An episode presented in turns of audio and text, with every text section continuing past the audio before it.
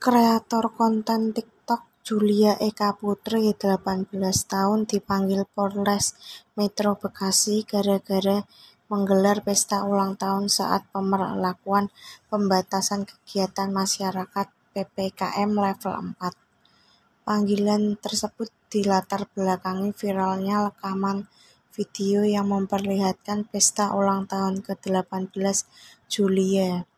Sebagai informasi, acara itu disebut-sebut digelar di sebuah hotel kawasan Kota Bekasi. Julia bersama kuasa hukumnya Gus Joy Setiawan langsung memenuhi panggilan penyidik Polres Metro Bekasi Kota pada Selasa.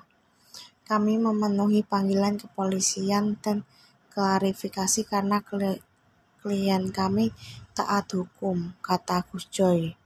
Gus Joy menceritakan bahwa kliennya telah jauh-jauh hari merencanakan acara pesta ulang tahun sebelum PPKM darurat ditetapkan pemerintah.